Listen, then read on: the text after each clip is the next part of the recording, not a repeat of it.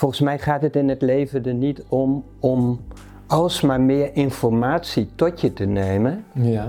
In het leven gaat het erom dat jij jouw unieke informatie in het vlees brengt, op aarde brengt, manifesteert. Resonantie is eigenlijk het principe van integratie. Ja. Je krijgt de informatie die van jou belangrijk is, je voelt het van binnen Ja. en tegelijkertijd wil het zich openen. Als je dat volgt, dan neemt jouw leven vorm aan zoals het bedoeld is.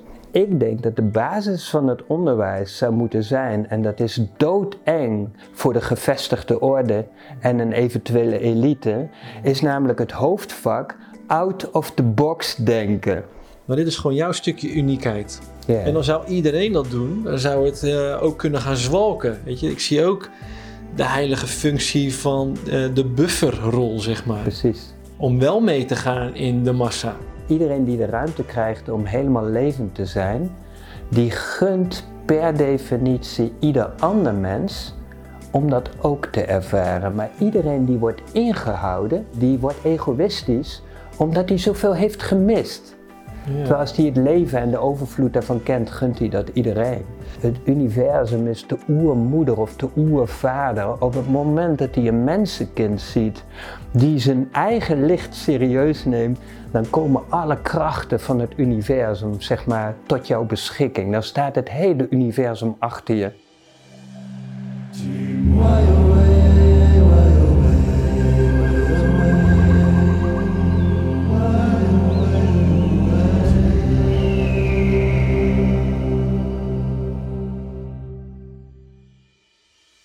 Welkom beste mensen bij weer een nieuwe aflevering van de Tijdboek Lumens podcast. We zijn weer op een bekende locatie, eh, maar jullie zullen het niet direct herkennen. We zijn weer bij Henk Fransen. Henk, dankjewel dat wij hier weer kunnen zijn. Vorig jaar hadden we een andere plek gekozen in jouw woning. Toen was de zon wat stabieler. Het is nu half bewolkt, dus we zijn wat meer achter in de woning gaan zitten. En het leuke daarvan is dat wij ook al jouw kunst in beeld kunnen hebben. Dat wilde ik vorig jaar al. Ehm, ik ga je straks vragen om een uitleg te geven wat deze kunst allemaal betekent. Voordat de kijker daar eh, zelf verhalen bij gaat verzinnen. Nou, even voor de kijkers. Mocht je deze video gaan waarderen, geef het dan een like. Laat een commentaar achter. Abonneer je op het kanaal. Deel het met je netwerken. Zeker, want wat we gaan bespreken is eh, denk ik wel voor iedereen van toepassing. En je kunt ook op onze website een reactie achterlaten onder de video. Je kunt je daar ook inschrijven voor onze nieuwsbrief. En een broodnodige donatie achterlaten. Ehm, daar draaien wij op. Ook op boek eh, verkopen, maar zonder donaties eh, redden wij het ook niet. Dus heel veel dank daarvoor. En eventjes naar de boekenrubriek. Wat zie jij als de belangrijkste valkuil in het vormgeven van een nieuwe samenleving? We leven nu in een tijd, en het is echt belangrijk om dit goed te begrijpen, dat het aan jezelf werken en proberen dingen op te lossen ons in de weg staat. Want het ikje dat die oplossingen zoekt, is juist het probleem.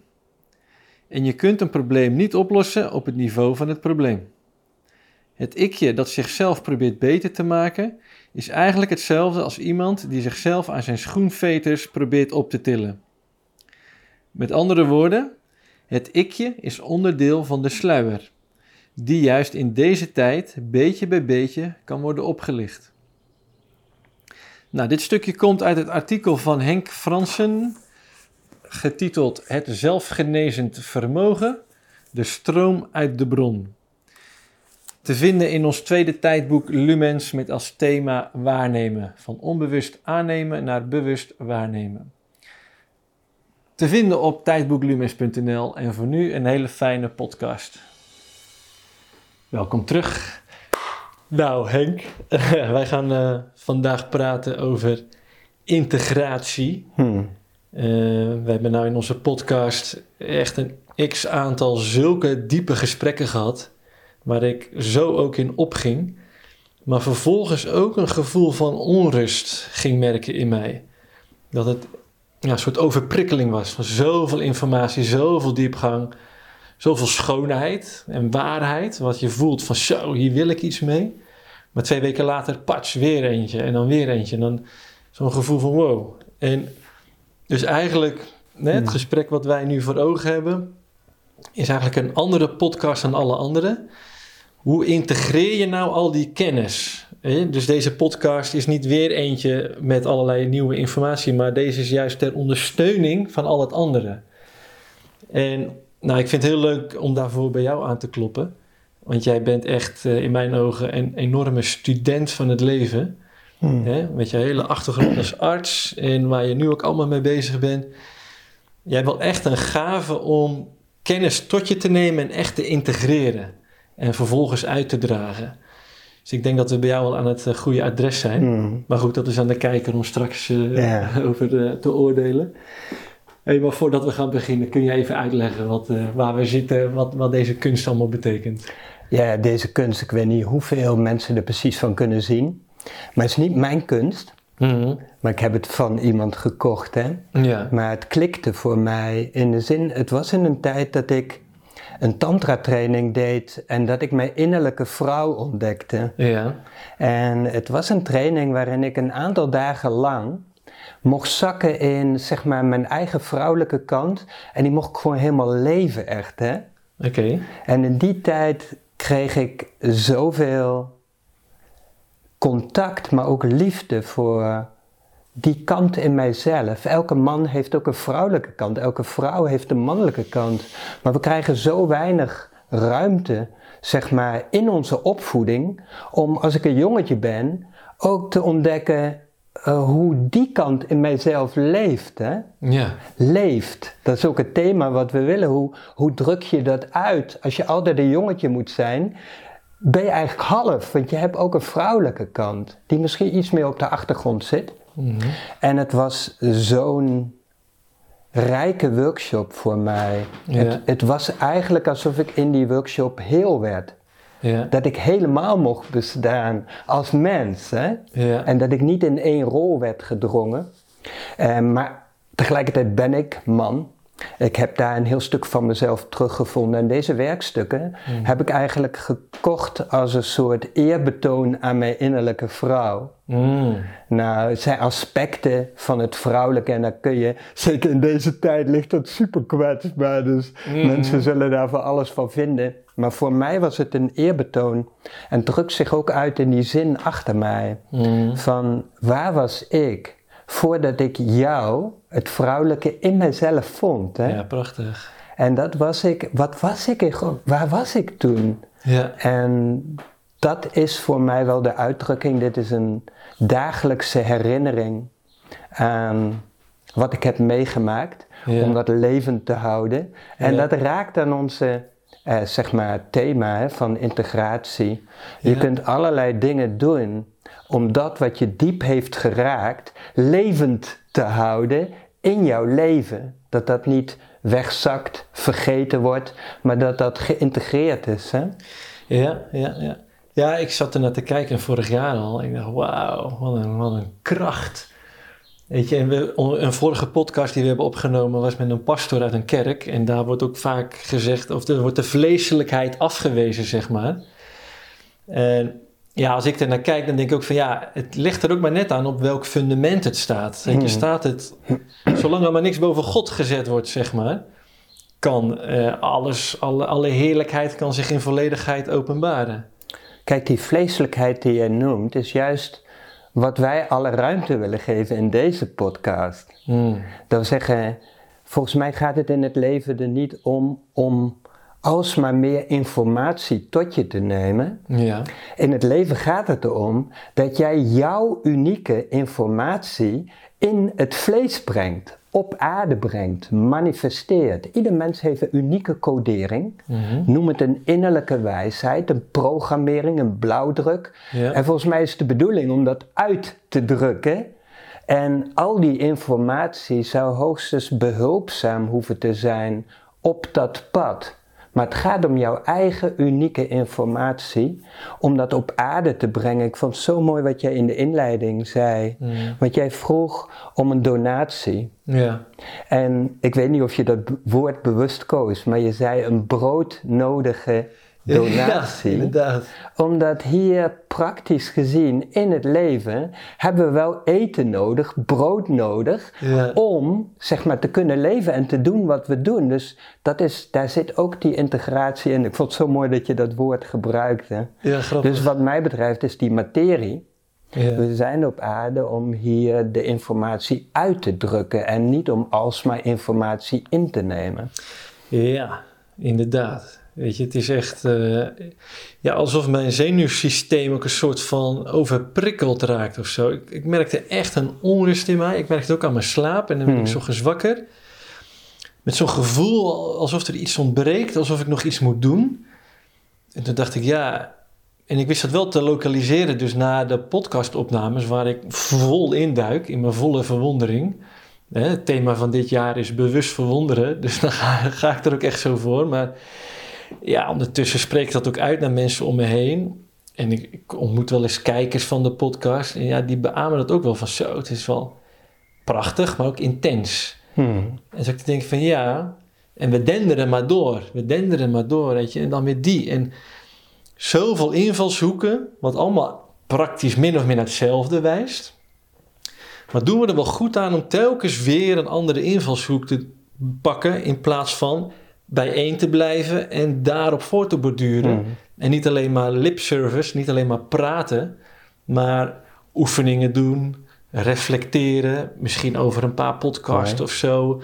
Weer dezelfde gast en dan het publiek meenemen met eh, een bepaalde oefening of opdracht of zo. Ja, ik denk maar hardop.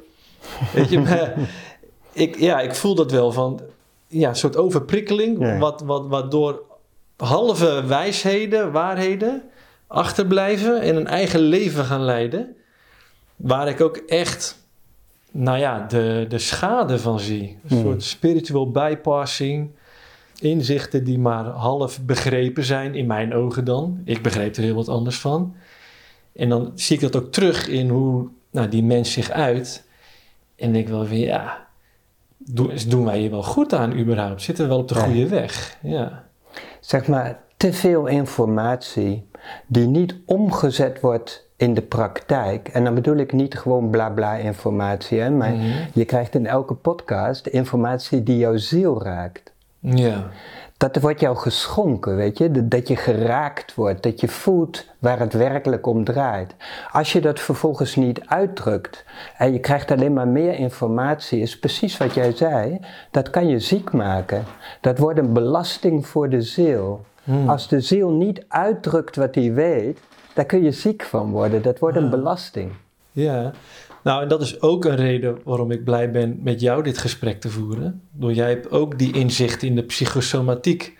En hoe gedachten en je eigen belevingswereld letterlijk je eigen lichaam ziek kunnen maken. Hè, jij benoemt het in de zin van overprikkeling Mhm. van het zenuwstelsel. Ja. Ik zeg niet dat dat ziek is, maar dat laat zien, het, het begint met uit balans raken. Juist. Niet? Terwijl als je de informatie die jou werkelijk raakt uitdrukt, dan druk jij jouw bezieling uit. Dat is geen overprikkeling, dat is vervulling.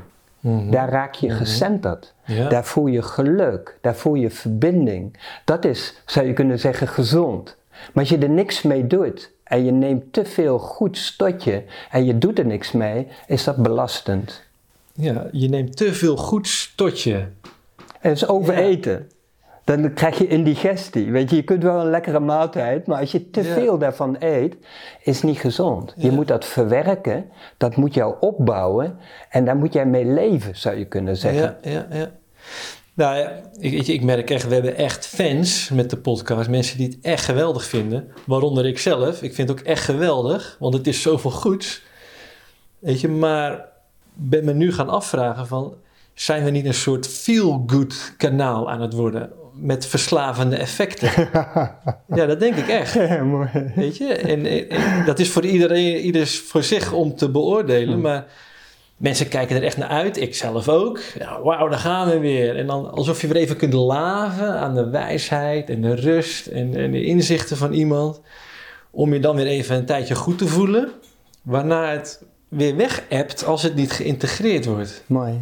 Mooi. Ik, ik had die associatie met als je te veel goeds tot je neemt, dat kun je vergelijken met eten.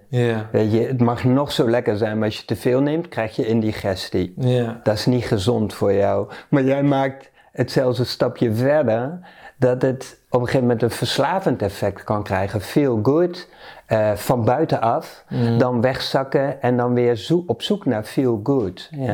Mooi, hè? Ik moet denken aan een spreekwoord wat ik in mijn studententijd las. Mhm. Een eh, Chinees gezegde. En dat was een onsje theorie en dan een kilo praktijk. Eh, Wauw. Maar het lijkt in het Westen vaak wel of we een kilo theorie nemen, Mhm. misschien wel 10 kilo, zeg maar, theorie, en dan net een onsje praktijk. Maar ik denk dat je het nog meer door kunt voeren. Een onsje theorie, een kilo praktijk. Als ik kijk, op dit moment ben ik vaak in mijn vakantiewoning. En op dit moment, eh, dat is bij het water. En er worden allemaal nestjes gebouwd, hè? Ja. Eh, eentjes, meerkoetjes, noem maar op. Als dat uitkomt, dat beginnend leven, Ja. daar is geen theorie. Ja. Dat is mama die het voordoet, kindjes die het nadoen. Ja. En de hele dag door is het activiteit. En het is aldoende leren. Juist. En dan wordt uit de ervaring wordt het een eigen wijsheid. Juist. Uiteindelijk kan theorie volgens mij goed zijn, maar alleen om jou te ondersteunen Juist. in dat wat zich in jou aan het ontwikkelen is.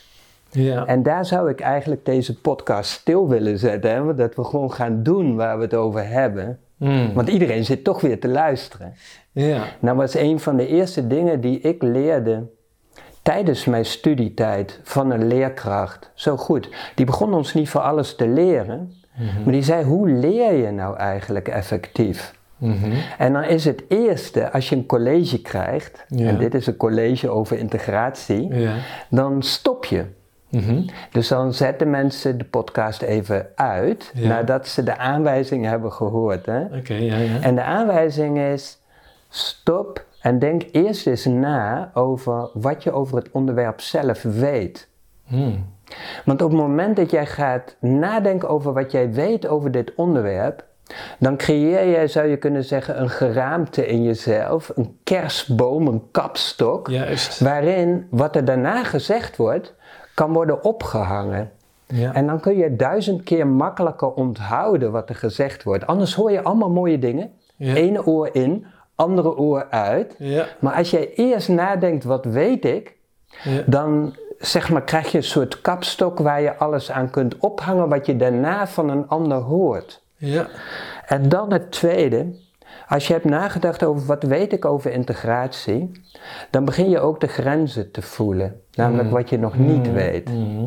En dan is de tweede vraag om effectief te leren, dus eigenlijk geïntegreerd te leren, is om je af te vragen, wat wil ik graag nog meer leren over dit onderwerp? Wat interesseert me? Als ik kijk wat ik weet, waar word ik dan geactiveerd? Ja. Waar zou ik dat willen uitbreiden? Dus wat wil ik leren? De leervraag. Kom ik straks op terug, maar ik ga ervoor uit dat iedereen hem nu uitzet. Eerst nadenk, wat weet ik en wat wil ik leren? Ja, heel mooi. Weet je, voor mijn gevoel activeer je nu iedereen door er op een hele andere manier nu naar te gaan luisteren dan voorheen. Ja. Echt veel eh, ontvankelijker en leergieriger. Elke les begin ik altijd eerst.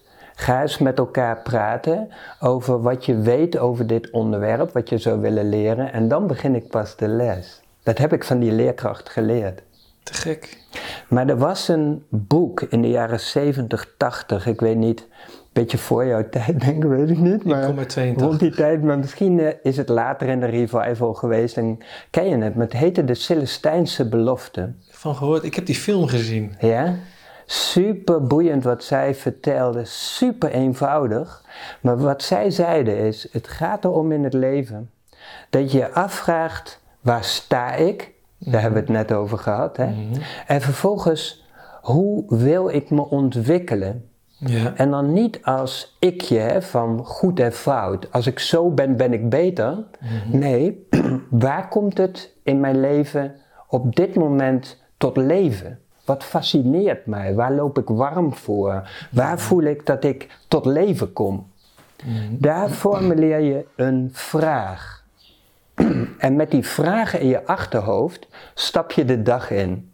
Ja. En dan gaat alles wat je op die dag tegenkomt, ook eventueel een podcast die je hoort, ga je direct koppelen aan die vraag en dat begint uit te breiden. Dus je neemt een focus, een intentie, Ja. daarmee stap je de dag in en dan begint die hele dag. De dag wordt eigenlijk een podcast. De dag wordt jouw workshop. De dag begint jou te leren, omdat jij zelf met een intentie bent begonnen. En dan heb je twee dingen. Je kunt een gesloten intentie nemen of een open intentie. Ja. Wat wil dat zeggen? Als ik een gesloten intentie neem, bijvoorbeeld, ehm, ik voel dat ik aan het leren ben om van mezelf te houden, dan neem ik als intentie, ik hou van mezelf. Mhm. Dat heeft tot gevolg dat ik dat gebied in mijn leven begin te activeren. Niet? Ja. Ik kijk naar rode auto's en ik zie er steeds meer. Ja. Ik focus op, ik hou van mezelf en ik ga dat meer doen. Maar als ik het gesloten doe, dan ga ik vooral doen wat ik al weet. Ja. Dus ik begin eigenlijk het verleden te herhalen. Ook al is dat in een mooi gebied. Mhm. Maar een open intentie wil zeggen dat ik bijvoorbeeld tegen mezelf zeg: ehm, op hoeveel manieren kan ik van mezelf houden? Dus ik maak er een vraag van. En dan stap ik het leven in. En dan die vraag opent het gebied. Dus ik begin te leren wat ik nog niet weet. Ja. En dan kom je in een hele snelle ontwikkeling. En dan zei de Celestijnse belofte: dit heb je in je achterhoofd, dus je koppelt het aan alles. Maar overal waar jij iemand tegenkomt, leg jij dit op tafel. Ja. Dus ik kom jou tegen en zeg ik: eh, Ferdinand, mijn dag staat in het teken van van mezelf houden. Ik vraag me namelijk af op hoeveel manieren ik dat kan doen, hoe ik dat nog meer kan doen. Hoe doe jij dat eigenlijk? Oké, dus zo'n intentie die je dan voorneemt, dat deel je dan echt? Die breng je in verbinding met het leven.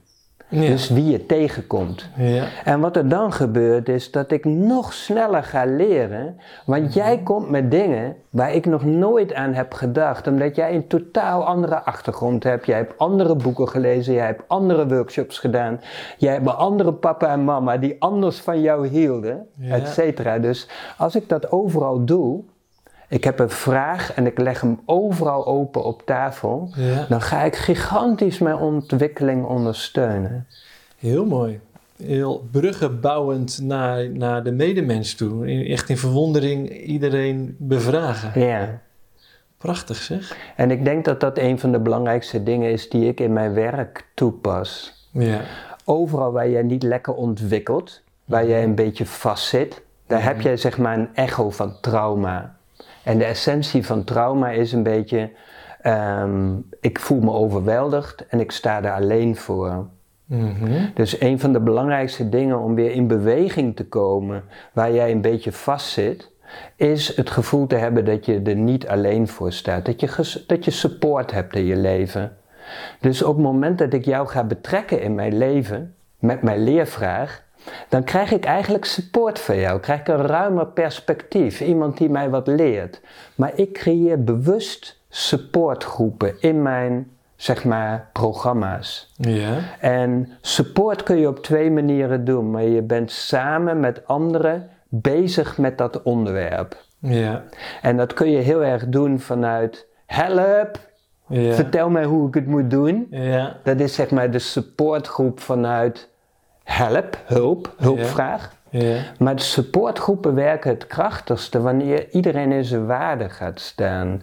Dat is de supportgroep vanuit kracht. Die mensen komen bij elkaar om het beste van zichzelf in te brengen. Ja. Als iedereen dat doet, krijg ik tegelijkertijd optimale hulp. Ja. Want iedereen brengt het beste van zichzelf in, maar ik zelf ook. Hè? Dus dat is een supportgroep. En Ja, Dit gaat echt al, eh, al hard. Dit is echt mooi. Ja, ja, ja. Weet je wat, ik hoorde je net ook zeggen over de ontwikkeling van de eigen wijsheid. Als je zo'n hulpvraag hebt van vertel mij hoe het moet, is het geen eigen wijsheid, het is geleende wijsheid. ja, En ik voel zo sterk dat we een eigen zielenontwikkeling te doormaken hebben. Waarin we met de beste bedoelingen elkaar adviezen willen geven. Want we zien waar de ander klem zit of stroef loopt. Maar dat het juist averechts is voor de ontwikkeling van die persoon. Hmm. Dat we juist elkaar dat mogen gunnen om het zelf te ontdekken. Hmm. Ook al houdt dat dan een wat vervelendere situatie in stand, wat Ja. dan bijvoorbeeld minder gezellig is onderling. En we willen het allemaal zo gezellig hebben. Ja. Ja, En dat is de essentie van de supportgroep, is dat je elkaar niet gaat helpen, maar je geeft je eigen beste voorbeeld. ja, Dus rondom de leervraag breng je het beste van jezelf in als voorbeeld. Kijk, zo doe ik dat. Mhm. Als ik jou laat zien hoe ik het doe, dan ben jij helemaal vrij om ervan aan te nemen wat jij vindt dat er bij jou past. En dat zul jij ook absoluut doen als jij denkt dat het bij jou past. ja. Op het moment dat ik jou advies ga geven, niet het voordoe, maar zeg: ehm, Ferdinand, je moet dit of dat doen. ja. Misschien doe je het, maar het voelt nooit zo fijn, want je hebt het niet in vrijheid aangenomen. Dus in een supportgroep verbind je met mensen die hetzelfde willen en doen in hun ontwikkeling als jij.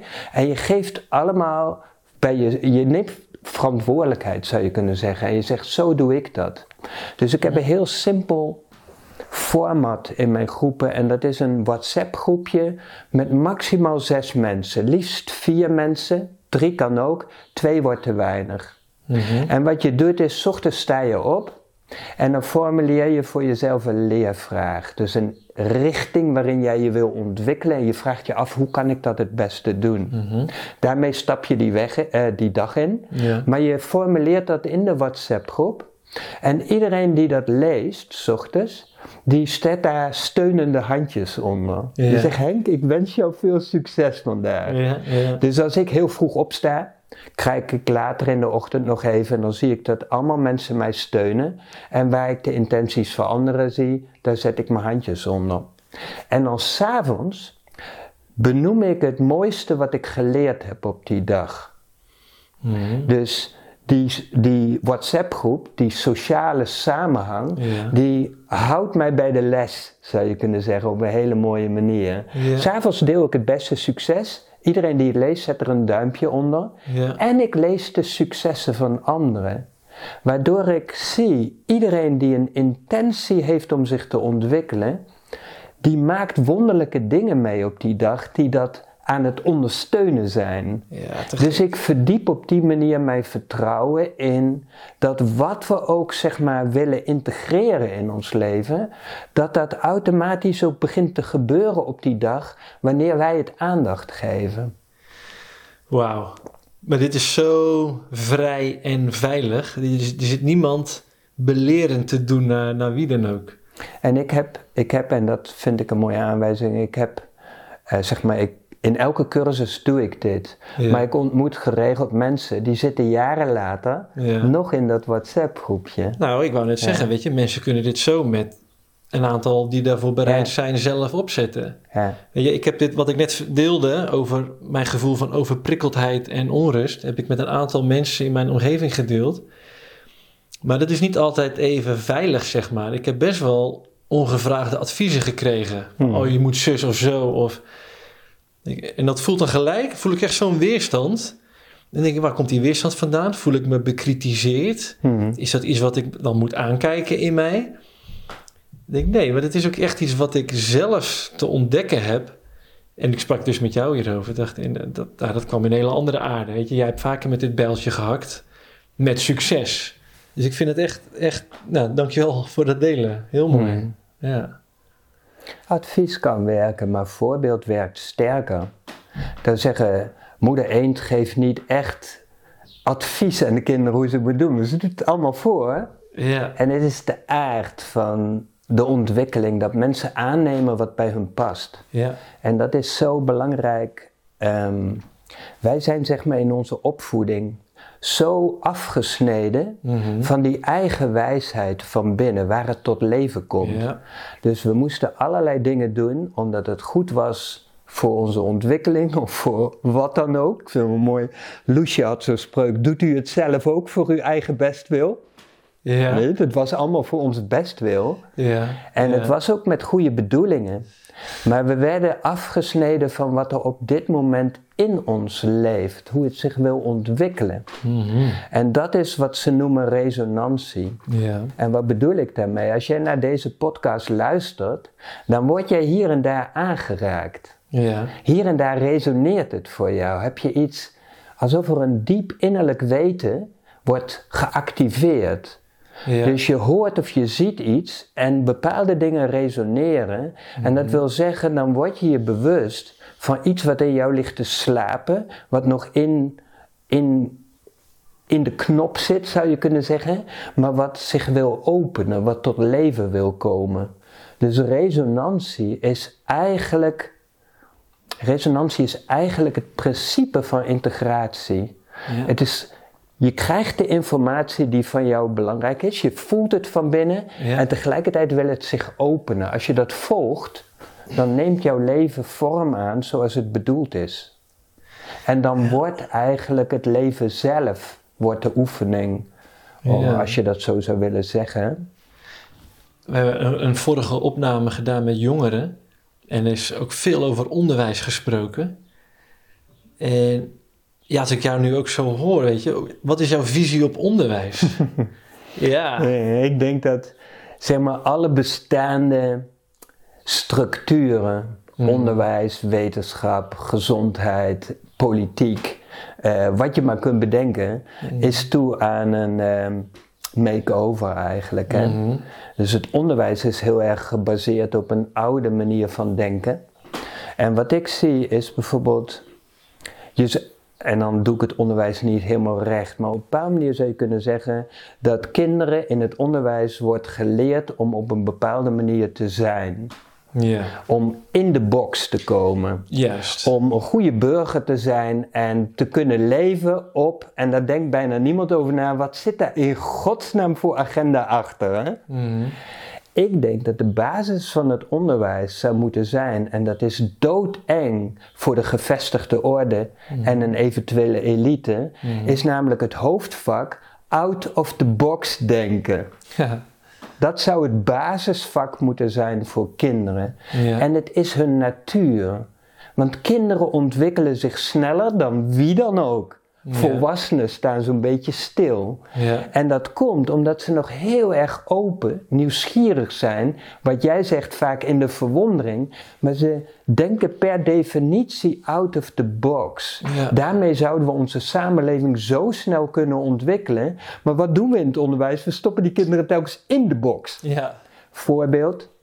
Ik heb medicijnen gestudeerd. Dan leer ik dus hoe ik zou moeten denken in Ja. de westerse geneeskunde. Ja. Daar is niks mis mee. Met zijn box. Mhm. Het is een waardevolle box. Maar als ik daarin moet zitten en dat alleen maar mag, wordt het eng. Dus ik bestudeerde alle geneeswijzen. Maar ik bestuurde op een gegeven moment de Chinese geneeskunde wat dieper. En ik vond dat leuk. Dus ik deed op een gegeven moment een heel examen. Beantwoordde ik alle vragen vanuit de Chinese geneeskunde. Ik kreeg een diepe onvoldoende. dus dat laat zien hoezeer ik dan in die box word gestopt. Zo moet je denken. Ja. Terwijl ik stond jarenlang voor één geneeskunde die het beste uit alle geneeswijzen verenigt ten dienste van de mens, de patiënt. Dus ik denk, al die perspectieven zijn veel rijker. Dus we moeten out of the box denken. Daarom denk ik ook, als ik me met jou verbind en ik zeg, hoe hou jij van jezelf? Of heb jij een tip voor mij hoe ik nog meer van mezelf kan houden? Dan denk ik out of mijn eigen box. Namelijk Henk met alles wat hij geleerd heeft. ja, je staat open voor frisse Ja. inzichten van buiten. Hè? Precies. En zo zouden we ook moeten communiceren met een andere cultuur. Niet jij bent de mindere cultuur of jij bent de primitieve cultuur. Ja. Nee, hoe doe jij het? Want het is altijd verrijkend. Out of the box. Dat is één. Ja. Twee, en daar raken we aan, dat heeft te maken met communicatie. Mhm. Tweede hoofdvak zou moeten zijn: hoe communiceer je met een ander mens zodat je win-win creëert? Mm. Omdat de basiswet in het universum is voor het hoogste goed van het geheel. Juist. Dus als wij kinderen leren om altijd oog te hebben voor win-win, stemmen we ze eigenlijk overheen met de werking van het universum. Namelijk, het is één geheel en het is altijd weer voor iets beters voor iedereen. Ja. En dan Ja. eventueel zou je er kunnen overdenken om programmeren, integratie van computers, elek- digitale wereld. Hoe kun je dat integreren in dit verhaal? Nou, voor mij is nog een ander hoofdvak resonantie. En dat moeten wij als mama of papa eend voordoen aan de kuikentjes. Hè? Ergens weet een kind dat, maar het is belangrijk dat wij kinderen observeren. En dat wij niet willen dat ze op een bepaalde manier zijn, maar dat wij kijken hoe ze zijn en waar ze tot leven komen. Ja. En waar ze tot leven komen, daar bieden we ze wat dingen aan, zodat dat deurtje wat verder open kan gaan. En dan zien we hoe ze zich verder vormen. En dan gaan ze mee met het leven, wat zich van binnenuit in hun wil openbaren, die unieke codering. Dus kinderen leren dat ze dat leven mogen vertrouwen, hoe ze meer tot leven kunnen komen, out of the box denken, daarbij communiceren met anderen, heb je denk ik fantastisch onderwijs. En dan op een gegeven moment volgen ze dat leven gewoon, omdat ze eh, he- het goede voorbeeld hebben gehad. ja, en dan vanuit een intrinsieke motivatie. Ja, want dat, jouw leven van binnen is jouw motivatie. Dat is jouw reden van bestaan. Anders Ja. was je dood. Nou ja, en- die is liefdevol. Ja. Weet je? Omdat ik zie dat iedereen die de ruimte krijgt om helemaal levend te zijn, die gunt per definitie ieder ander mens om dat ook te ervaren. Maar iedereen die wordt ingehouden, die raakt eigenlijk getraumatiseerd en raakt bezig met, oh, is er wel genoeg en hoe kan ik mijn plekje veroveren en hoe, weet je, die wordt egoïstisch omdat hij zoveel heeft gemist. Ja. Terwijl als hij het leven en de overvloed daarvan kent, gunt hij dat iedereen. Nou, en ik denk ook, ook al had hij het niet gemist, dan had hij het programma in zich. eh, Dit is hoe ik gezien word en erkenning krijg door de beste te zijn. Weet je, hoe, hoe, hoe kijk jij aan tegen alle competitie, alle spelletjes, eh, sport? Ja. Altijd, er is uiteindelijk een winnaar. Kijk, sport is goed tot het niveau dat het van spel overgaat in iets anders. Ja. Maar spel, want jij gebruikte dat woord, eh, die kant van het spelen is volgens mij heel dicht bij alles wat we tot nu toe besproken hebben. Of zoals ik denk dat het de bedoeling is. Ja, maar wanneer het serieus wordt en het wordt winnen en er zijn verliezers, Ja. dan denk ik dat we de weg kwijt zijn. Dat zei ik ook, weet je. Je mag best wel winnen, maar in een win-win setting. Wanneer je niet meer bij een fantastische klap of slag, tennisslag of iets moois van de ander heel blij kunt zijn voor de ander, dan gaat het zeg maar een andere kant op. Juist, ja.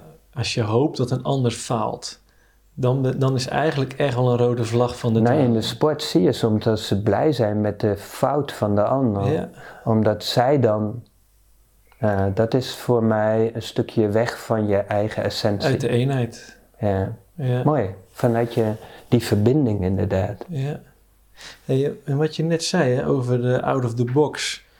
Hoe ben jij daar gekomen om dat zo te doen? In je studententijd deed jij dat al.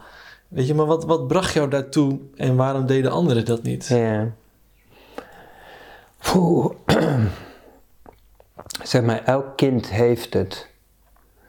En daarnaast heeft ieder mens volgens mij ook een bepaalde design. Mhm. Eh, weet je, alle mensen bij elkaar is een, net als het menselijk lichaam, al die cellen bij elkaar is een wonderlijk geheel. Ja. En elke cel heeft zijn eigen kwaliteiten.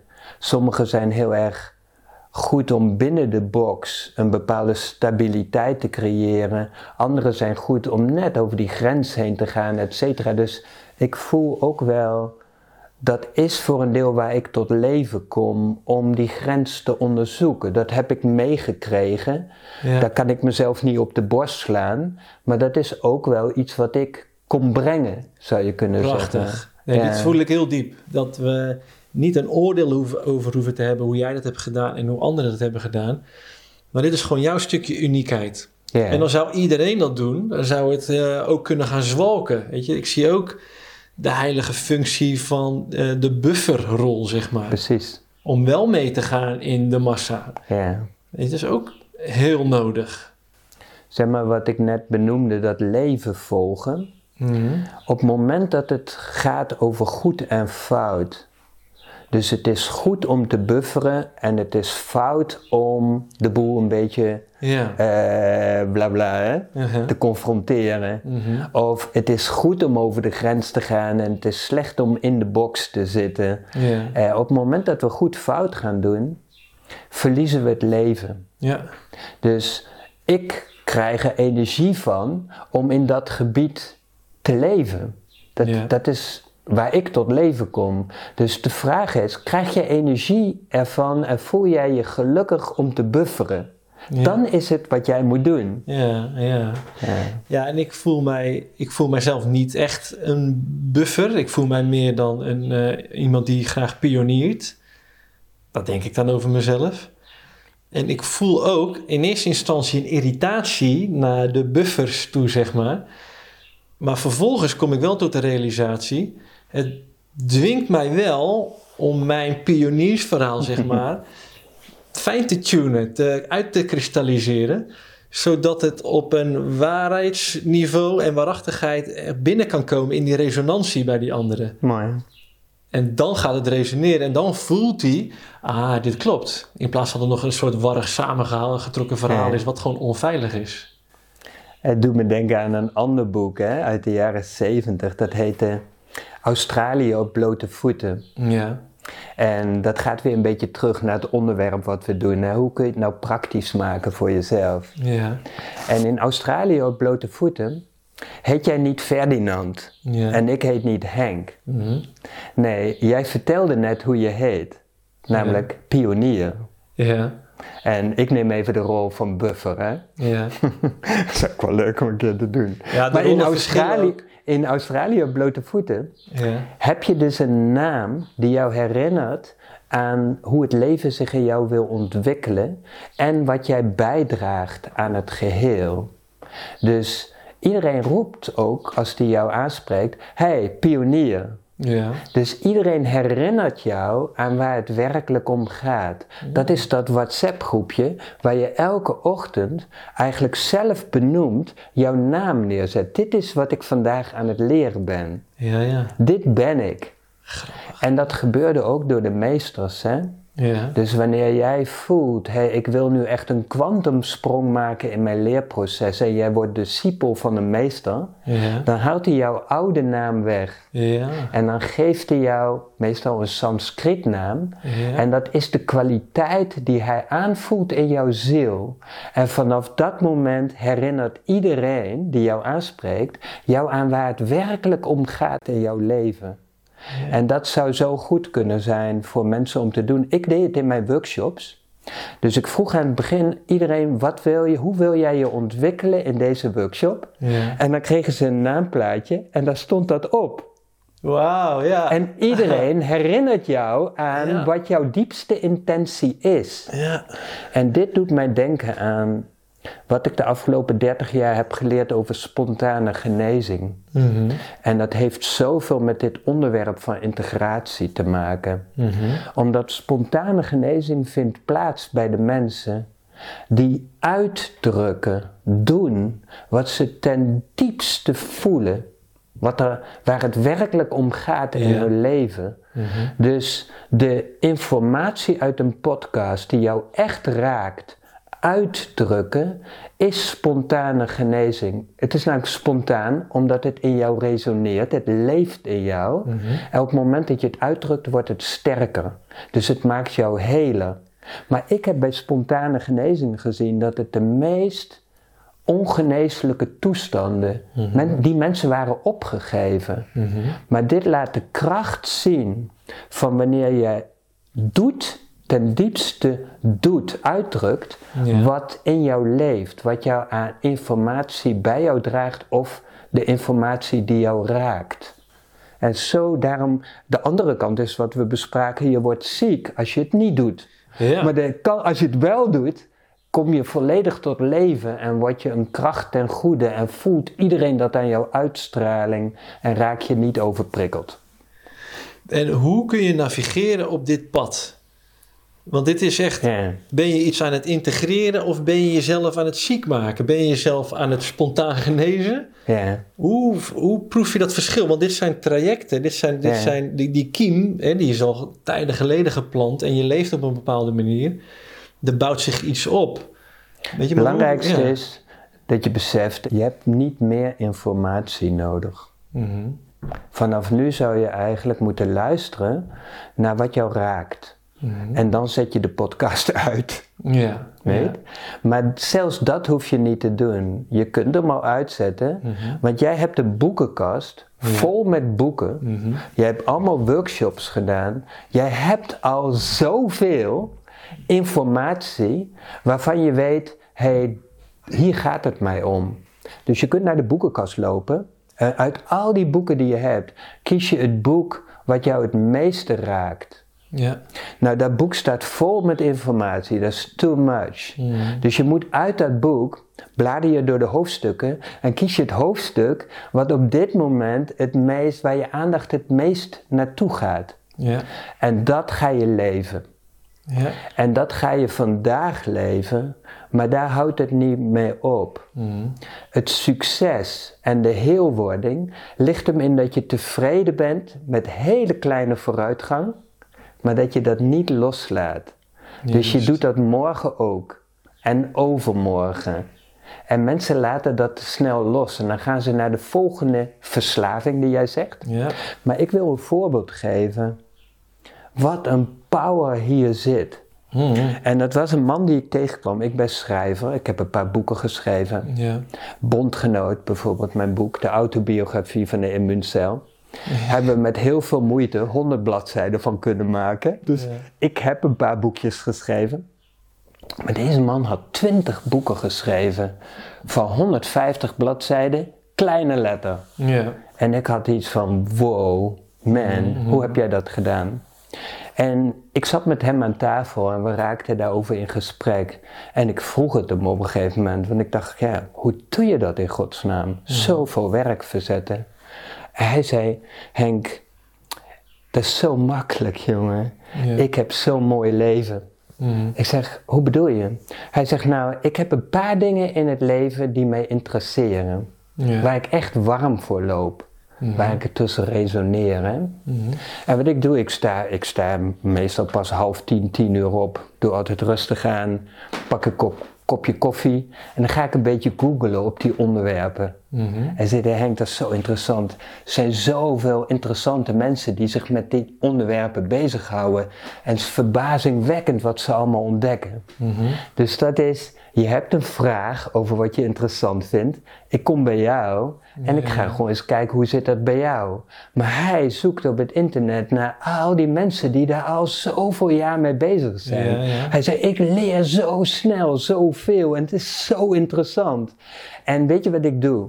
Mhm. Elke dag schrijf ik één A4'tje over wat ik ontdek. Ja. En, maar dat moet ik wel zeggen. Ik heb een fantastisch leven. Ik geef mezelf heel veel ruimte. Maar dit is een afspraak die laat ik niet los. Dus er komt wel eens een weekend voor dat de familie of dit of dat of dat er niet van komt. Hmm. Maar dan haal ik het maandag in. Eén, dat is een afspraak met mezelf. Eén A4'tje. Wat stelt het voor? Per dag, hè? Hmm. Nou, hij zegt, ik zit mezelf niet op de kop, hoor. Ik zet mezelf niet onder druk. Hmm. Ik neem iets van... Ehm, 10 weken per jaar vakantie. Ehm, we hebben 365 dagen, Ze hou je er zo'n 300 over. Dus dat zijn 300 bladzijden. Dus dat zijn twee boeken van 150 bladzijden. En dat doe ik al 10 jaar. Oké. 20 boeken. En hij zegt, weet je wat zo interessant is?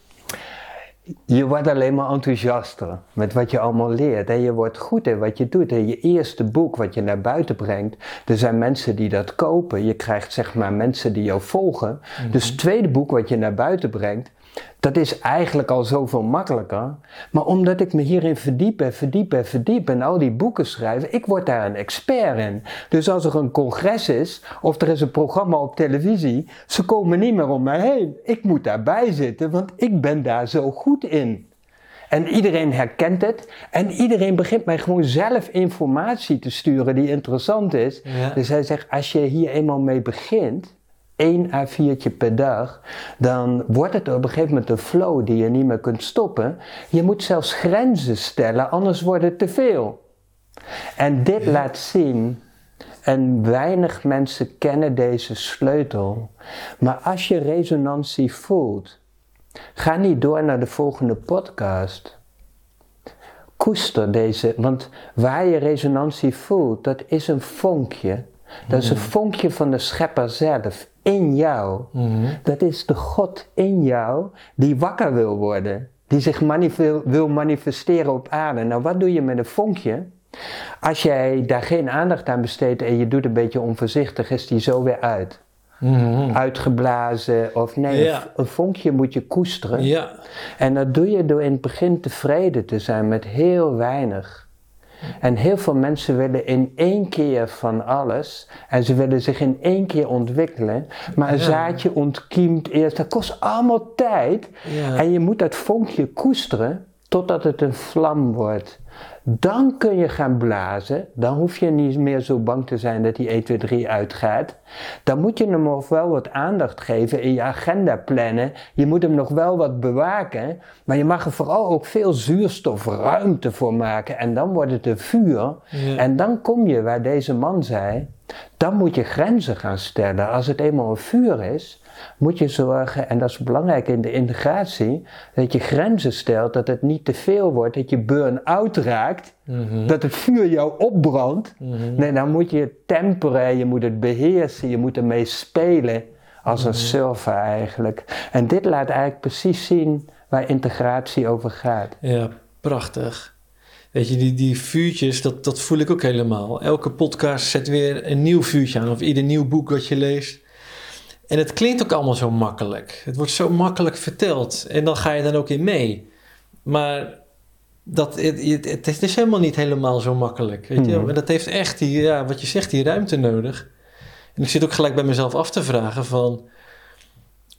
Die man die deed dat met schrijven. Dus die ging iedere dag... En die volgde echt zijn eigen... Ja, zijn, zijn vraaggestuurde richting, zeg maar. Ja. Wij zouden dat ook met onze podcast zo kunnen doen. Wat voelen we nu? Waar, waar mag het nu heen? En dat doen we nu met deze podcast al. Ja. Echt, eh, echt een roep. Ik heb echt een soort zwachtend uitgekeken naar dit gesprek. Want ik dacht echt, wat zijn we aan het doen? Ja. Ook wat Carl Jung uh, zei. Zo'n mooi citaat heb ik heel lang op mijn, op mijn bio gehad op Facebook. Van, het gaat er niet om hoeveel ervaringen je opvreet. Het gaat erom hoeveel je er verteert. Ja. Weet je? En teruggeeft. En teruggeeft? Ja, verteert, mhm. het bouwt je op en teruggeven. De essentie van de schepping is als je iets inneemt, dat je ook weer teruggeeft. Het is een, zeg maar een ding. Maar ik zie die resonantie ook bij jou van ik heb jouw interesse gezien in dit onderwerp en je doet mm. het. Mm. Maar vorig jaar hoorde ik je al zeggen dat je iets had, ik zou graag kinderen in de podcast aan het woord willen laten. En dat heb je ook gedaan. Ja, ja, ja. Nou, het gekke is, wanneer we alleen maar blijven bij mooie ideeën, Mhm. dan belast het ons. Mhm. Maar op het moment dat je één podcast doet met kinderen en je ervaart dat, krijg je plotseling nog honderd ideeën erbij hoe dit pad zich verder kan openen. En dat is zo belangrijk. We, als je het niet uitdrukt, kan het zich niet ontwikkelen. En als je het uitdrukt, ontwikkelt het zich. En dan is de sleutel: wees tevreden met heel weinig, maar doe het tien jaar lang. Mhm. En dan denken mensen, mijn god, tien jaar lang. Ehm, maar elke stap die je op die manier doet is gelukkig. Mhm. Omdat je op je spoor zit. Je bent je uniciteit aan het uitdrukken. Hè? En het is gelaagd. Je bouwt op eerdere lagen. Precies. Ja, dus je groeit. Ik moet ook denken aan Michelangelo. Mhm. Ik weet niet of je die kent. Maar wat die man geproduceerd heeft in zijn leven, is echt bizar. Mm. En vaak kennen mensen maar één van zijn dingen, maar hij was zo'n multiwetenschapper uit die tijd. Dat waren generalisten. Maar hij maakte ook kunst. Ja. Maar hij was ook een wetenschapper, natuurkundige, sterrenkundige, alles. Ja. Maar zijn kunst, zijn marmeren beelden, meer dan levensgroot. En daar heeft hij er tientallen van gemaakt. Maar als je zo'n stuk marmer, wil je dat zo maken, zo'n beeld daaruit halen, je wil niet weten wat dat inhoudt. Maar wat hij daarover zei, hij is heel simpel. Als ik een brok marmer zie, zie ik direct in de vorm, zie ik het beeld. Mm. En daarna zegt hij, hoef ik alleen maar weg te slaan wat het niet is. Mm. Mm. Maar weet je wat dat inhield? Dan was hij jaren, vier, vijf, zes jaar, was hij aan het bijtelen om ons te laten zien wat hij in één oogopslag zag. Ja. En dit is hetzelfde als die schrijver. Ik heb bij ieder mens die naar mij toe komt, ook de mensen die zeggen: Maar wat is dan de bedoeling van mijn leven en ik weet het niet en bla bla. Ik stel hun een paar vragen. Vijf minuten ben ik hun, want hun leven is een brok ruw marmer. Zij zijn een ruwe diamant. Ja. Dat zit verstopt. Net als in dat stuk marmer. Maar je kunt het beeld direct zien. Als ik vijf minuten met hun praat, zie ik waar hun ogen oplichten, waar, he- waar ze tot leven komen, waar het hun werkelijk om gaat. Dus ik zie direct dat beeld in dat leven van die persoon. Maar dan moet hij wegslaan wat het niet is. Juist. En bijna iedereen is de hele dag door in zijn agenda bezig met waar het niet echt over gaat in zijn leven. Ja. Dus we zullen uit onze agenda weg moeten slaan wat het niet is. Ja. We zullen eigenlijk zoveel mogelijk binnen de beperkingen waar we ons nu in hebben gebracht, zullen we ruimte moeten gaan maken voor dat waar het werkelijk over gaat. En dan in de loop van de weken steeds meer wegslaan wat het niet is, zodat die essentie steeds meer ruimte krijgt. Dan mogen we zeg maar een aantal jaren bijtelen. En dan laten we uiteindelijk, zoals deze man zien, wat hij in het begin al voelde. Ja. Maar dan kun je zeggen, ja, maar wat heeft dat dan voor zin? Maar dat weet je als je het doet. Want het is, het is zo'n vervulling om hier op aarde jouw unieke wijsheid, jouw informatie te laten zien. Als iedereen dat doet, hebben we zo'n mooie mensheid. Ja. Dus niet meer informatie, alleen informatie om te voelen welke informatie in jou tot leven wil komen en dat doen. Prachtig. Mooie vergelijking met dat beeldhouwwerk. Ik denk dat we onszelf ook op een bepaalde manier zien, of ons ideale zelf. En daar dan veel te snel heen willen bouwen, werken, Ja. bijtelen. Met alle scheuren die dat op kan leveren. En dan moet je weer opnieuw beginnen. Ja. Het heeft gewoon geduld en zorg nodig. Maar waarom, waarom is dat eigenlijk? Is dat dan jouw bedrading of je programmering die in je cellen zit, die moet wennen aan dat nieuwe bewustzijn of die nieuwe ik? Hoe, hoe zie jij dat? Dat het wat langzaam gaat. Ja, Ja, er zijn natuurlijk stromingen die zeggen: wees maar blij dat het zo langzaam gaat. Mhm. Omdat wij nog zo alle kanten op gaan. Als dan al je intenties meteen zouden uitkomen, zou ook weer niet goed zijn. Dus je krijgt de tijd, trial and error, om langzaam. Ik moet, ik moet nu denken ook aan. We waren op een gegeven moment, mijn vriendin en ik waren woonruimte aan het zoeken. Mhm. Nou hebben we dan ideeën wat we willen. Maar terwijl je op pad gaat en je komt in woningen eh, die je dacht leuk, voel je gewoon, nee, dit is het niet helemaal, weet je. Ik mis hier dit of dit was ik eigenlijk helemaal vergeten. Dus op het pad slijp je je beeld bij en begin je te voelen waar het werkelijk over gaat van binnen.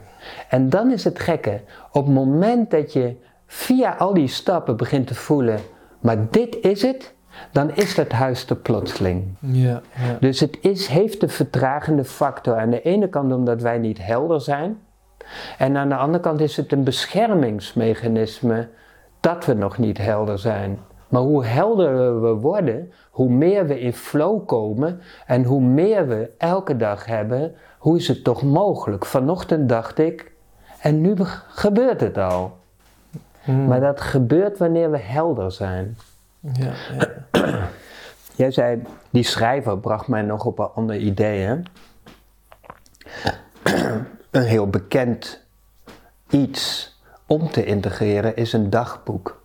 Ja, zat ik net ook aan te denken. Ja, eigenlijk Dus, eh, alle grote eh, mensen houden bij wat er gebeurt. Wat ze onderwijl leren, wat er op hun pad komt, hoe dingen werken. Dus een dagboek kan heel behulpzaam zijn om elke dag even stil te staan en stil te staan bij je ontwikkeling. Ja, Dus een dagboek is een goede manier. mooi. Een tweede manier is dat wat jij ontwikkelt, dat zou je eens kunnen proberen helder op papier te zetten voor een ander. Want elke schrijver die een boek heeft geschreven, weet dat dat proces van fine-tunen, waar je precies mee bezig bent, wanneer je probeert dat over te dragen, dan moet je alle stapjes goed begrijpen. En het schrijven van het boek is vaak een enorme ontwikkeling voor de schrijver zelf. Ja. Je wordt echt gedwongen om nog dieper na te denken. Hoe formuleer je het? Ja. En je geeft jezelf echt, eh, ja, je faciliteert het. Ja, het is heel meditatief, soort van. En als je het dan anderen laat lezen en je vraagt feedback, Ja. dan word je wederom in die verbinding, word je bewust, oh, dit heb ik overgeslagen, oh, dit is een blinde vlek, oh, dit begrijpen mensen niet. Dus Ja. da- ja, dat vind ik vanzelfsprekend, maar dat heb ik helemaal niet genoemd, want ik vind dat zo logisch. Dus het begint enorm, zeg maar, uit te breiden. Ja. En er is nog een andere manier hoe je schrijven kunt gebruiken voor een enorme kwantumsprong in je ontwikkeling. Mhm. En dat doe je door wanneer je aanvoelt hoe jij je wil ontwikkelen. Bijvoorbeeld de pionier. Hè? Mhm. Neem gewoon even. Ik denk dat je veel Het meer verschilt bent. ook onwijs per situatie. Weet Ik je. wou net zeggen, ik, wilde ook net zeggen, ik denk dat je veel meer bent dan dat. Maar als je die, stel dat je die jouw passie heeft, dat je iets hebt, dat wil ik in dit leven helemaal doen. Dan ga je een boek schrijven, een roman, over een pionier. Ja. Een pionier in hart en nieren en eh, dan verzin je zelf dat hele leven. Dus je laat hem geboren worden, je geeft hem ouders, je geeft hem alle archetypes van tegenwerking, uitdaging, trial and error, eh, de donkere nacht van de ziel. En hij overwint alles. Als je dat schrijft, herschrijf je eigenlijk je eigen leven. Je rewrite the past, wat ze vaak zeggen. Wij kunnen ons eigen leven overschrijven Mhm. door een boek te schrijven over dat wat ten diepste aan verlangen in ons leeft om als onbegrensd lichtwezen te zijn. Hè? Dus wil jij een lichtbrenger zijn? Dan schrijf je een boek over een lichtbrenger. En schrijf je de mooiste lichtbrenger die je kunt bedenken. En je geeft hem, dat is een belangrijk onderdeel, je geeft hem de grootste uitdagingen in dat boek. En dan beschrijf je hoe die ook dat overwint. Dat is de Ja. manier waarop je je eigen ziel volledig laat stralen. En dat is ook hoe het in het leven werkt. Willen we werkelijk integreren, dan moeten we voorbij gaan aan goed en fout. Ja. Als je zit in goed en fout, ben je nooit aan het integreren. Want dan ben je altijd, probeer je beter te worden, ergens van af te bewegen. En zonder dat je het in de gaten hebt, denk jij dat je groeit. Maar je doet dat altijd in de gevangenis van goed en fout. Ja. Terwijl in het leven gaat het erom dat wij voorbij de polariteit gaan. Ja. En het- dat we ontdekken dat het juist onze uitdagingen zijn die onze diamant slijpen. Dus deze eh, hoofdpersoon die je beschrijft, die komt pas volledig tot straling door zijn uitdagingen. Ja. Dus het is heel belangrijk dat we, willen we integreren, dat we een beetje relaxed omgaan met de polariteit. Dat we dat niet doen vanuit goed en fout, maar vanuit dat we tot leven willen komen. Maar als je tot leven wil komen, ga je tegelijkertijd de andere kant ervaren. En die slijpt jouw diamant. Ja, met dat schrijven, je creëert ook een soort van je eigen rolmodel. En dat is lastig om te zoeken in deze wereld, een echt kloppend rolmodel. Nu creëer je die zelf vanuit je, je ziel, of vanuit je echt je hartsverlangen. Ja, in alle zuiverheid, denk ik dan. Mooi. En daar groei je dan naartoe vanuit jouw geprogrammeerde huidige ik. Ja. Ja, te gek. Mooie oefening. Ja. En het is ook hoe het leven werkt. Om, want je, je brengt in dat boek eigenlijk je eigen blauwdruk tot leven. Mhm. En daar aandacht aan geven, laat het groeien. Brengt het naar buiten. Een boek is manifestatie. Ja, Henk, ik vind het echt eh, ja, waanzinnig wat je weer allemaal vertelt en, en deelt vandaag. Ehm, we hebben ook weer een hoop nieuwe dingen toch, toch weer erbij gezet. Ik weet niet hoeveel mensen er nog kijken, want je hebt een paar keer gezegd stop, weet je, als iets resoneert. Maar er zijn ook nog steeds mensen aan het kijken, anders zouden ze dit niet zien nu. Maar ehm, ja, dit is ook iets wat ik wel, ook wel wil benoemen, want ik laat het tegenwoordig vaker vallen dat ik wel eens naar de kerk ga. En eh, daar hebben ze echt heel mooi professioneel thematisch per keer, per dienst, een onderwerp. En de preek gaat daarover, of weer zo'n woord met associaties, preek. En, en de liedjes die ze zingen, die, die sluiten daar mooi op aan. En je gaat naar huis en je hebt gewoon een heel duidelijk beeld waar je naar hebt zitten luisteren. En, Ja. en, en ja, waar je echt iets heel concreet mee, mee kunt. En dat voelt voor mij nu met dit gesprek ook. Weet je, er zijn ook zijstapjes geweest. Maar er staat wel een kern. Maar misschien toch goed om het nog eens even een keer heel goed samen te vatten. Ja. Zo En- mooi wat je zegt ook. Die preek, hè? Hmm.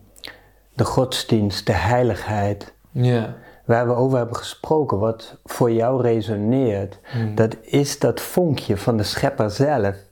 Dat is wanneer jij dat volgt, word jij heel. Dat is jouw heil, zou je kunnen zeggen. Heil, Jouw heiligheid. Hè? Ja. Dus mooi dat je dat inbrengt. En ik zou ook wensen dat ieders leven een gebed wordt, een preek. Hmm.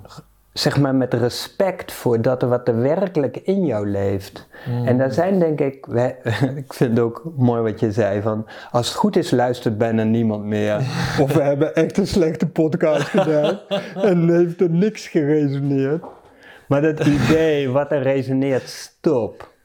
Hmm. En leef dat de komende tien jaar. En ik snap dat dat iets losmaakt, hè. Maar daar, en dat hebben we ook benoemd, je moet ook herinnerd worden. Ja, Jouw ja. naam zou eigenlijk dat moeten zijn. Nou, die samenleving leer, eh, leven we niet. Dus jij zult jezelf moeten herinneren. Om jouzelf op koers te houden. Tegelijkertijd is die leervraag, hebben we gezien, is iets wat zich ontwikkelt. Want je krijgt er dingen bij die je niet had verwacht. Dus je gaat op pad en het begint te groeien. En al die dingen kun je samenvatten in wat ze noemen een vision board. Mhm. Een vision board is dat jij stilstaat bij de paar plaatjes, de paar beelden. Weet je, als we aan dat stuk marmer denken, waar jij aangaat, waar het leeft, wat jouw werkelijke unieke vorm is, zou je kunnen zeggen. Jouw beeld, hè? Mhm. jouw blauwdruk. Mhm.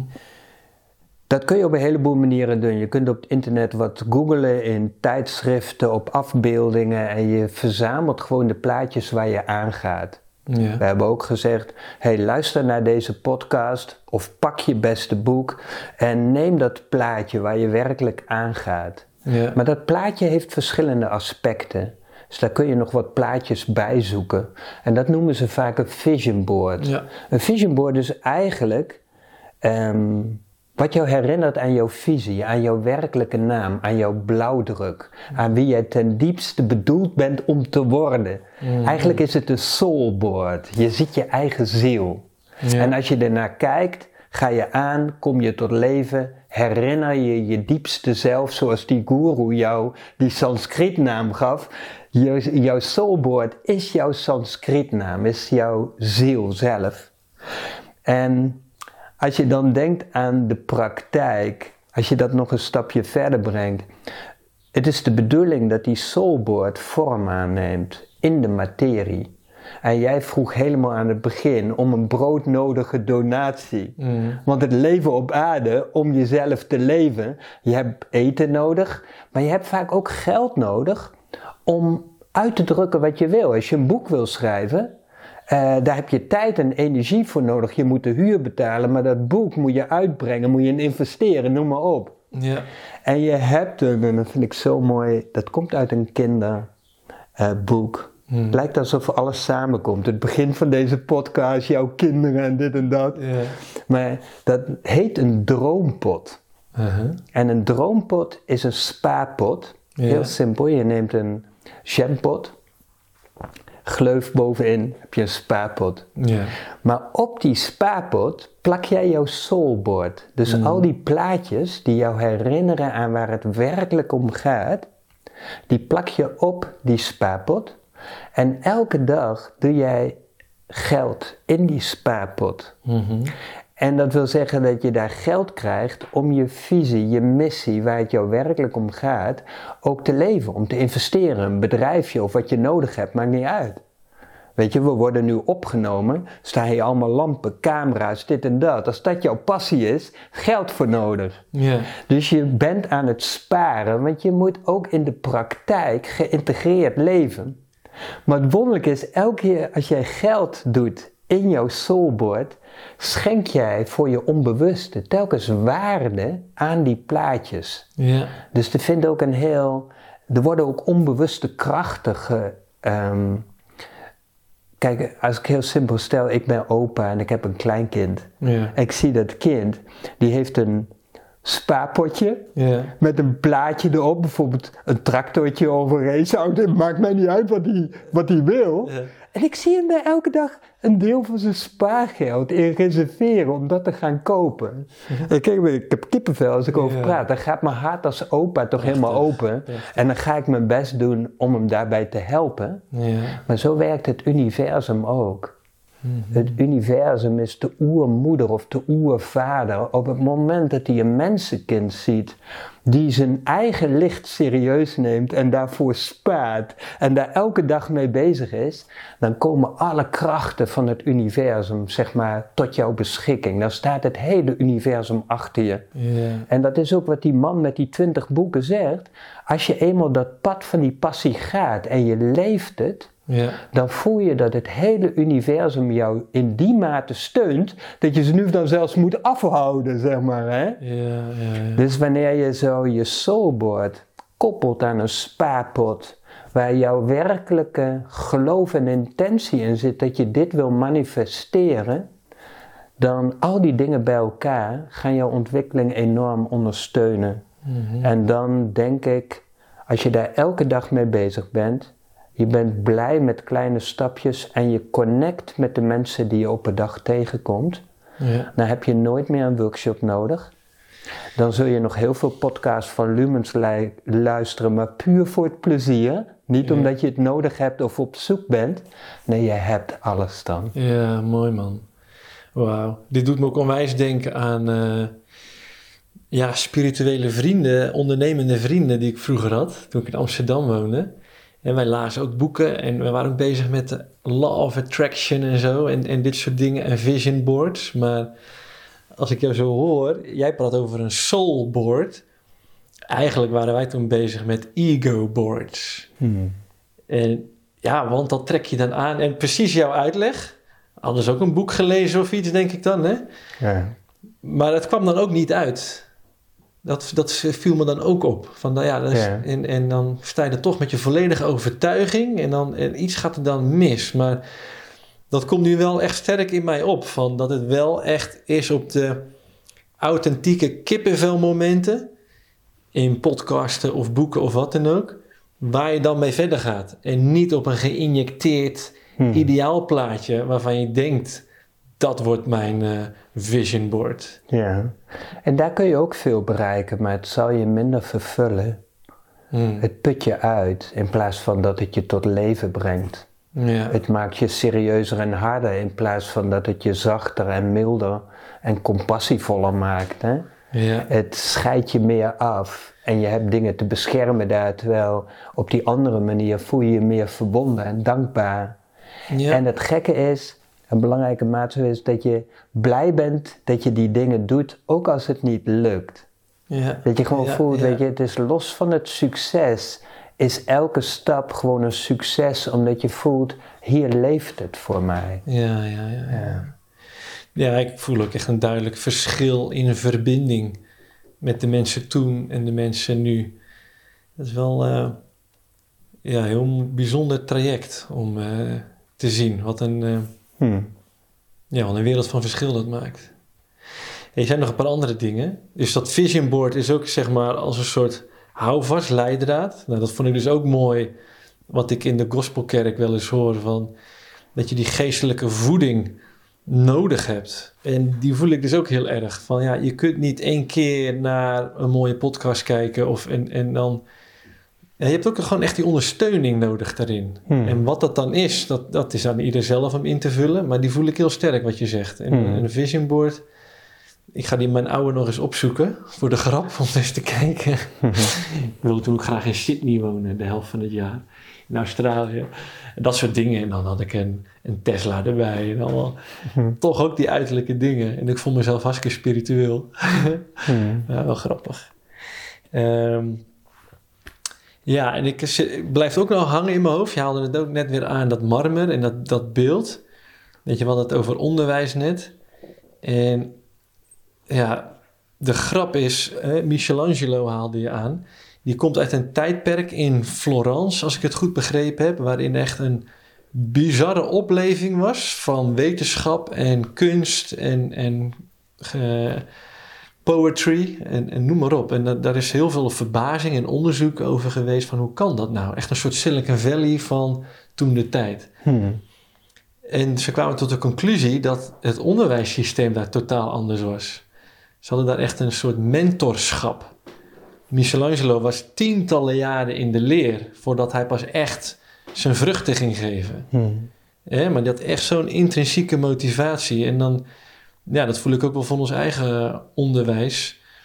Om daar veel meer daar, ja, bedding aan te geven. Dat veel meer dat te faciliteren. Dat mensen helemaal op kunnen gaan in iets waar we dan ook echt een ruimte voor kunnen geven.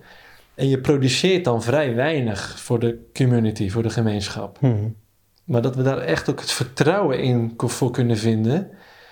Van die volgt zijn, zijn hart wel. Dat, dat komt vanzelf wel een keer tot bloei. Ja, mooi gezegd. Ja, maar dat is eng, dat is lastig. Daar zijn we echt ver van vandaan in deze wereld. Hè? Je moet dan, dan ja, moet je de, moet je, word je een, een donatietrekker of een eh, bijstandsprofiteur of allemaal stempels. Weet je, dat is echt eng om echt in jezelf te investeren. Ja. Weet je, hoe, hoe, hoe zie jij dat als je zoiets hoort? eh, hoe kunnen we daarheen groeien? Ja, ik kijk altijd naar de natuur. En zeg maar, zaadjes komen in hun eigen tijd uit. Ja. En dat kun je niet beoordelen. Elk zaadje heeft daar ook een eigen tijd. Mhm. En als je kijkt naar de groei van planten of dieren, Mhm. dat is allemaal uniek. Ja. En daar zouden we iets meer ruimte voor mogen hebben bij eh, de mens. Mhm. Plus dat de mens anders dan in de gewone spontane natuur vaak ook nog trauma's heeft opgelopen en nog extra gebolsterd is. Hè? Ja. Wat ook tijd nodig heeft, begrip nodig heeft, verbinding nodig heeft om in zijn eigen tijd uit te komen. Mhm. En dat is wel een belangrijk deel, dingen in mijn cursussen, is deze zin dat je vertrouwen hebt in het eigen tempo, de eigen tijd, de eigen, eh, van de wijsheid van de schepping zelf.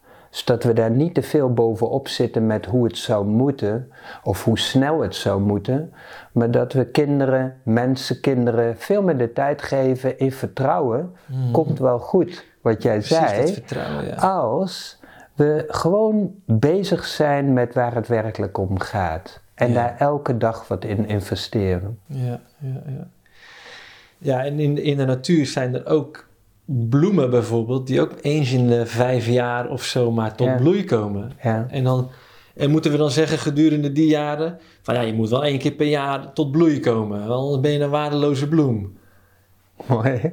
Ja. En ik hoorde ook van een of andere kokosnoot of zo die, die vijf of zeven jaar blijft liggen en dan plotseling in een paar maanden echt tien meter de lucht inschiet. Dus weet je, Ja, het is heel verschillend. Mhm. Ja. Ja, mooie inspiratie. Mooi praatje had je ook laatst bij ons eh, bij de boeklancering. De natuur als Bijbel hebben we die, vi- die video genoemd. Ja. Heel inspirerend. Ja. Ik heb het gevoel dat het, nou ja, af is het gesprek. Ja. Nou, Dan zijn we er. Ja. Ja. Dan ga ik mijn riedeltje weer doen, wat eh, nog steeds geen riedeltje is. Want ik, dan voel ik me een soort robot. Als ik het helemaal instudeer en bla bla bla bla bla.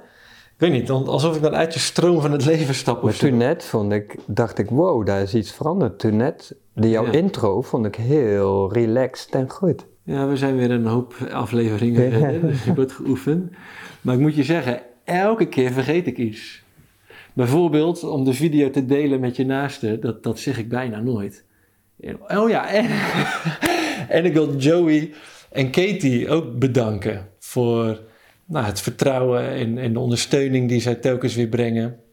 En elke podcast weer, weet je, het, is, het ontvouwt zich en we gaan kanten op. En ik zou het echt niet zonder hun kunnen doen. Niet op deze manier. Dus dat, is, dat wil ik al heel vaak zeggen. nou, bij deze. Ehm, nou, en deel de video als je hem eh, kunt waarderen. Eh, geef het een like, hè, dan kunnen meer mensen hem ontdekken. En een commentaar, dan gaat hij omhoog in de ratings, in de kunstmatige intelligentie-algoritmes. Eh, nou, een reactie op onze eigen website is ook heel fijn, www.tijdboeklumens.nl. Daar kun je ook de broodnodige eh, vergoeding geven waar wij, eh, waar wij goed op eh, draaien. Ehm, en natuurlijk hele interessante boeken waar nog meer van dit soort ook integratie-inzichten te vinden zijn. Dus nou, leef je uit en tot de volgende keer.